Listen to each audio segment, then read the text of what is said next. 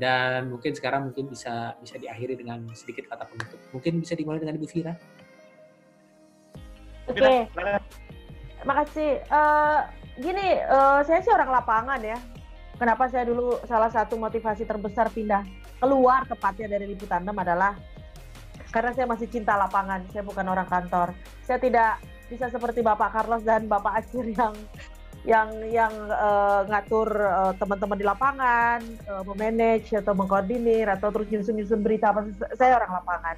Kalau saya gini deh, uh, gini ya, uh, adik-adik sih adik-adik, ingat kan berita yang uh, anggota KPAI yang mengatakan bahwa sperma itu bisa uh, uh, di kolam renang itu bisa bermutasi gitu ya, bisa bisa bercumbu di kolam renang. Uh katanya sih begitu aku nggak tahu juga. Sih ya. udah pernah nyobain belum? Ya nggak yang nggak di kolam renang mungkin maksudnya.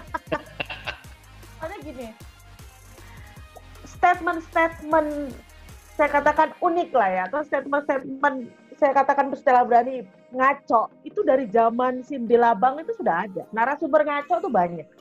Narasumber bodoh itu banyak. Narasumber nggak bisa dipercaya tuh banyak Cuman kalau zaman gue dulu, kalau ada statement seperti itu, satu gue ya? akan gue akan melawan. How come you said it, madam gitu? Bagaimana kau kau kok ibu bisa mengatakan hal seperti itu? Pertanyaan saya tidak seperti itu. Misal seperti itu, berdebat dan berantem di kamera itu biasa. Itu zaman gue dulu. Atau statement statement statement kayak gitu sampah aja. Gue akan lapor, gue akan masuk ke berita, akan masukkan ke berita itu SOT itu adalah sesuatu hal yang memang terkait dengan pertanyaan terkait dengan berita. Apakah sperma itu bisa bermutasi di kolam berenang? Bukan urusan gue, bro, gitu. Itu lo urusan research, itu urusan dokter atau apa pun itulah gitu.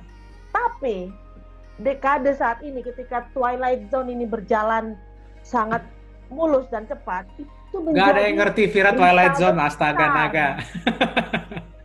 itu adalah berita besar yang bahkan bisa menurunkan posisi dia sebagai anggota KPAI.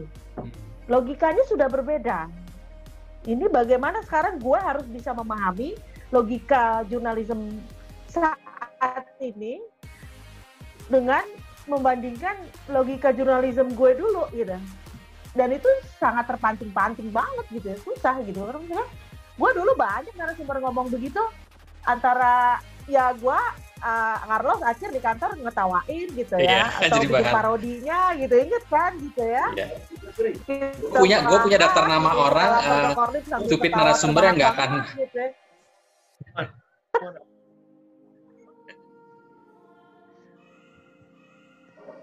Iya gitu ya. Terus sementara sementara di saat ini narasumber narasumber ngaco itu menjadi narasumber yang saya ya dapat panggung benar dapat panggung ngapain lo?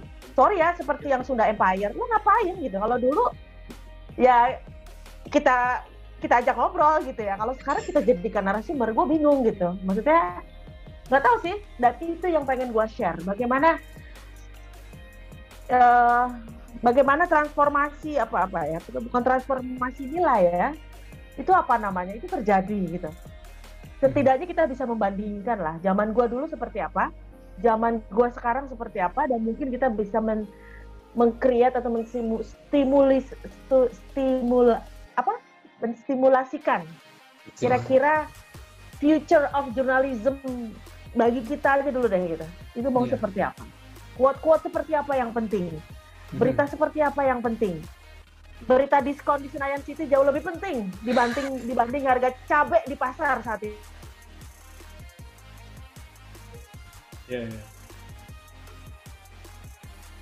Oke, okay, Gak ada yang peduli harga rendah. Itu kan apa ya? Itu perubahan nilai kalau bagi gue sih itu udah perubahan nilai bagi gue ya kayak gitu. Itu sih Mas Bayu. Uh, gue berharap uh, seri serial seperti ini setidaknya bisa kita bisa berbagi lah ya berbagi pemikiran, berbagi pengalaman, juga berbagi masa depan kita bisa mengkreat lah minimal menstimulasikan itu tadi masa depan ini akan seperti apa gitu Bapak Akhir? Bagaimana Bapak Akhir? Terus gue sepakat ya apa yang disebut Vira tadi bahwa uh, mudah-mudahan sharing kita uh, sedikit ngalor ngidul ini yaitu tadi sharing pengalaman, sharing kegelisahan, sharing juga yang masa depan akan seperti apa itu berjalan ya, bukan semata-mata. Jangan mencap kita mau menggurui enggak gitu. Tapi justru kayak ini gue dengar ngobrol begini aja jadi oh iya bener bahwa ada kesadaran seperti yang Vira bilang tadi bahwa dekade yang berubah itu bahkan lebih dari satu dekade ya ada kalau dihitung dari 2005 dari YouTube berarti udah 15 tahun nih gitu satu setengah dekade uh, dulu kita punya list yang namanya don't make stupid people famous udah punya prinsip seperti itu kan gitu jadi iya. uh, ada list-list yeah. uh, narasumber yang emang sengaja yeah. gue tahu nih tau lah sama pengacara A yang selalu ngomongnya dan gitu kan oh, oh iya benar gue ajak ngobrol atau bahkan gue debat offline gitu atau bahkan direkam tapi nggak tayang gitu kan. Hmm. tapi yeah. ketika back uh, back back masa atau gue punya sorry sebelum gue cerita uh, apa yang gue pelajari terakhir di Inggris gitu ya.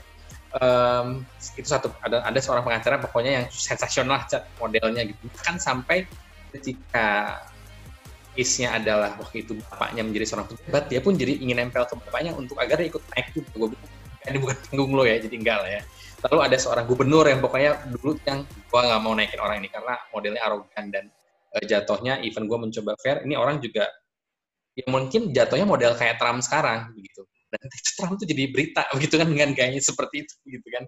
Yang dulu mungkin akan kita pertimbangkan seperti apa tapi benar zaman berubah. Nah back to, to helikopter bukan helikopter view ya jadi mungkin spectator view kali ya. Gue ketika keluar ruangan newsroom jadi penonton dan mengamati bahwa lalu juga ternyata kalau dilihat dari dunia riset akademik dari sisi jurnalisme maupun digital khususnya dalam digital journalism itu memang ada perubahan ya mungkin bahasanya tadi dari uh, gagap panik dan mencari bentuk takut hilang uh, viewers uh, jatuhnya itu tadi ada istilah uh, jurnalistik di permukaan TV itu udah dibilang pakai jurnalistik salon karena dibandingkan dulu anak cetak lebih in-depth atau uh, hmm. ya cetak terutama ya hmm. zaman dulu ketika uh, TV sedang muncul tapi sekarang kemudian dengan munculnya era digital ini lebih permukaan lagi begitu kan yang lebih itu bukan dagingnya tuh tapi itu yang naik gitu hmm. kan. Itu tadi si sperma yang bisa menghamili orang yang berenang gitu kan gitu. Uh, apa esensinya buat masyarakat? Uh, bikin pinter apa enggak gitu. Tapi kenyataannya itu yang kliknya bikin naik gitu kan uh, viral uh, jumlah viewernya sampai jutaan dan kemudian itu yang menjadi sebuah parameter uh, yang diamini begitu kan. Ini lagi dunia lagi terbalik-balik nih semua begitu. Jadi ya harapannya kita menemukan dari obrolan uh, saling berbagi ini format yang itu tadi prinsipnya adalah sebetulnya aku tetap pegang pakem nggak ada pakemnya tapi kita bisa tetap uh, berdamai dengan cara optimal lah begitu. Jangan kemudian berdamai dengan menyerah gitu. Hmm. dari uh, khususnya dari broadcast TV journalism ini gitu. Bagaimana kemudian pada akhirnya uh, masyarakat di luar sana juga bergantung pada apa yang dihasilkan khususnya dari produk jurnalistik TV contoh itu tadi untuk sebagai uh, fact checker itu pada akhirnya adalah uh, TV tetap diandalkan gitu. Karena kenapa? Uh, khususan Indonesia nih ya, orang Indonesia kan uh, dikenal lebih suka menonton daripada membaca. Itu tapi isu bukan kenapa bukan rajin baca, tapi intinya begini, kita kita memanfaatkan bahwa orang tolong dengan menonton sebuah informasi yang benar gitu. dan informasi yang uh, dalamnya pas gitu. Karena kan dulu dianggap kurang dalam, tapi sekarang begitu dibandingin sama di platform Instagram, Twitter gitu. Ya lebih cetek lagi itu kan karena terbatas karakter terbatas durasi gitu kan. Walaupun sekarang sudah IGTV gitu kan. Orang butuh dikurasi dan butuh audiovisual karena uh, gue punya seorang uh, teman yang kemudian dia adalah filmmaker orang yang main di uh, dunia audiovisual audiovisual dia bilang begini orang kalau nonton film itu semua indranya main news juga kan audio visual ya. Ketika Carlos Kak Carlos bilang bercerita bahwa good producing dengan bercerita, by storytelling, visual storytelling, itu kan sebenarnya mirip-mirip dengan uh, cerita uh, bercerita menuju film lah begitu lah gitu. Dengan dimasukkan angle bittersweet uh, narration misalkan gitu. Itu kan menuju facts 5W1H itu lebih mengena sehingga rasa ikut mata ikut bermain kuping ikut bermain itu semua lebih nyerap begitu. Dan itu sebenarnya menolong untuk orang uh, tidak dalam dalam era tsunami informasi ini gitu dengan tetap adanya faith terhadap jurnalisme uh, TV broadcast journalism begitu. Oke, terakhir Bapak Carlos. Oke, aku mungkin aku pendek aja. Artinya begini, um, ada kegelisahan uh, dalam diri kami sendiri, khususnya aku yang masih ada di newsroom, adalah bahwa begini, the way we deliver the news, cara kita, cara kami, cara saya memberitakan berita dan mendeliver sebuah berita itu practically tidak ada perubahan seperti jika dibandingkan dengan 15 tahun yang lalu.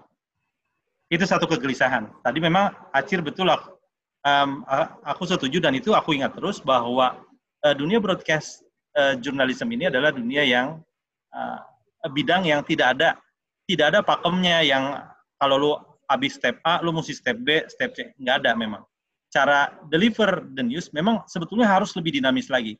Tapi unfortunately ya, jadi cilakanya cara memberitakan, cara cara-cara mendeliver berita televisi sampai sekarang di semua televisi nasional teman-teman bisa lihat itu nggak jauh beda sama 15 17 tahun ya. yang lalu. Nah itu itu yang pertama. Tapi di sisi lain ada sebuah uh, op, uh, rasa optimistis bahwa uh, televisi itu adalah menjadi uh, media yang masih tetap uh, banyak penontonnya. Karena berkaca dari uh, pertengahan Maret sampai sekarang, di mana pandemi COVID-19 ini kemudian menutup semua pintu-pintu peliputan dan tersebarlah semua di media sosial, lalu kemudian banyak Zoom Zoom meeting yang kemudian di apa di dilempar kontennya ke YouTube, tapi tetap saja eh, pemirsa itu, penonton itu menonton berita televisi yang mereka yakin sudah ada proses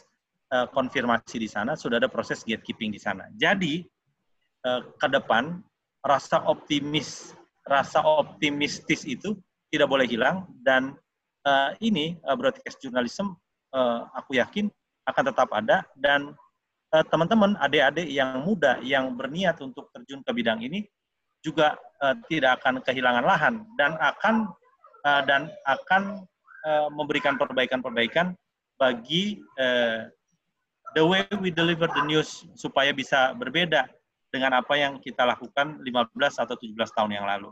Kira-kira dari aku itu. Terima kasih. Oke, okay.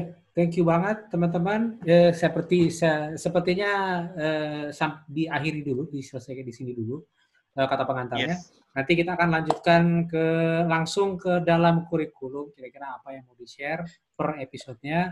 Uh, dan semoga kita bisa istiqomah dalam melakukan ini dan terus berjalan sampai oh, dengan amin. akhir perjalanan ya kan? Tidak terus Udah, kemudian berhenti ini seru nih sharing kayak gini gue dapat ilmu iya, juga. ini makanya.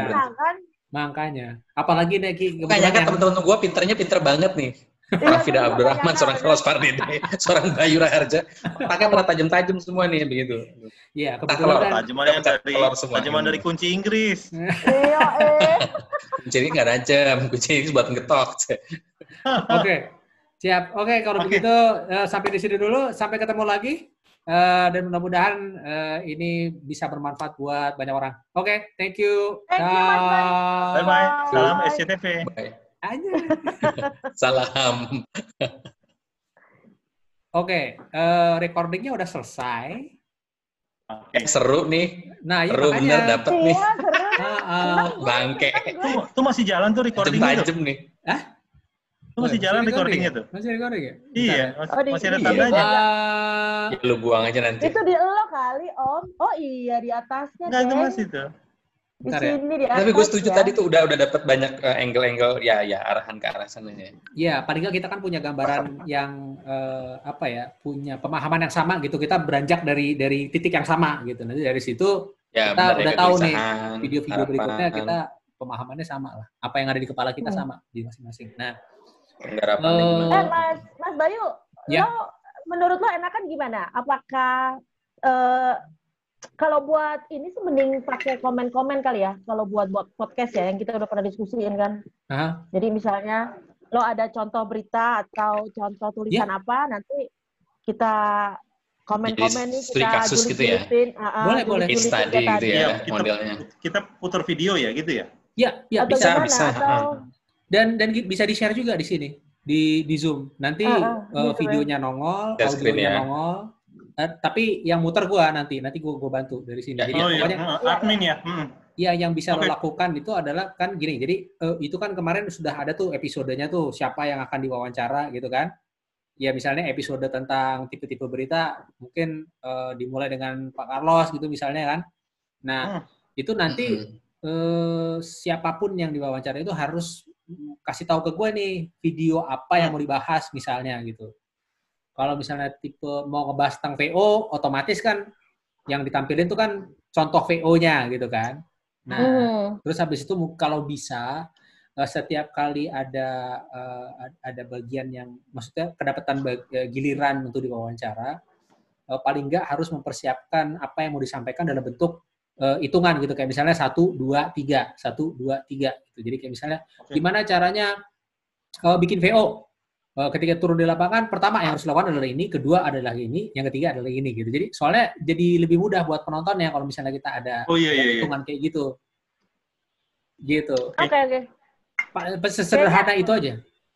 Iya kayaknya eh, julit-julitan eh, celetuk-celetukan gitu jauh lebih berfaedah ya dibanding Iya. kita sharing-sharing eh, Lecturing apa, gitu ya. Iya. Lecturing, ha, Iya, lecturing lah ja- kalau eh, lecturing. Iya, jadi lecturing jatuhnya ya.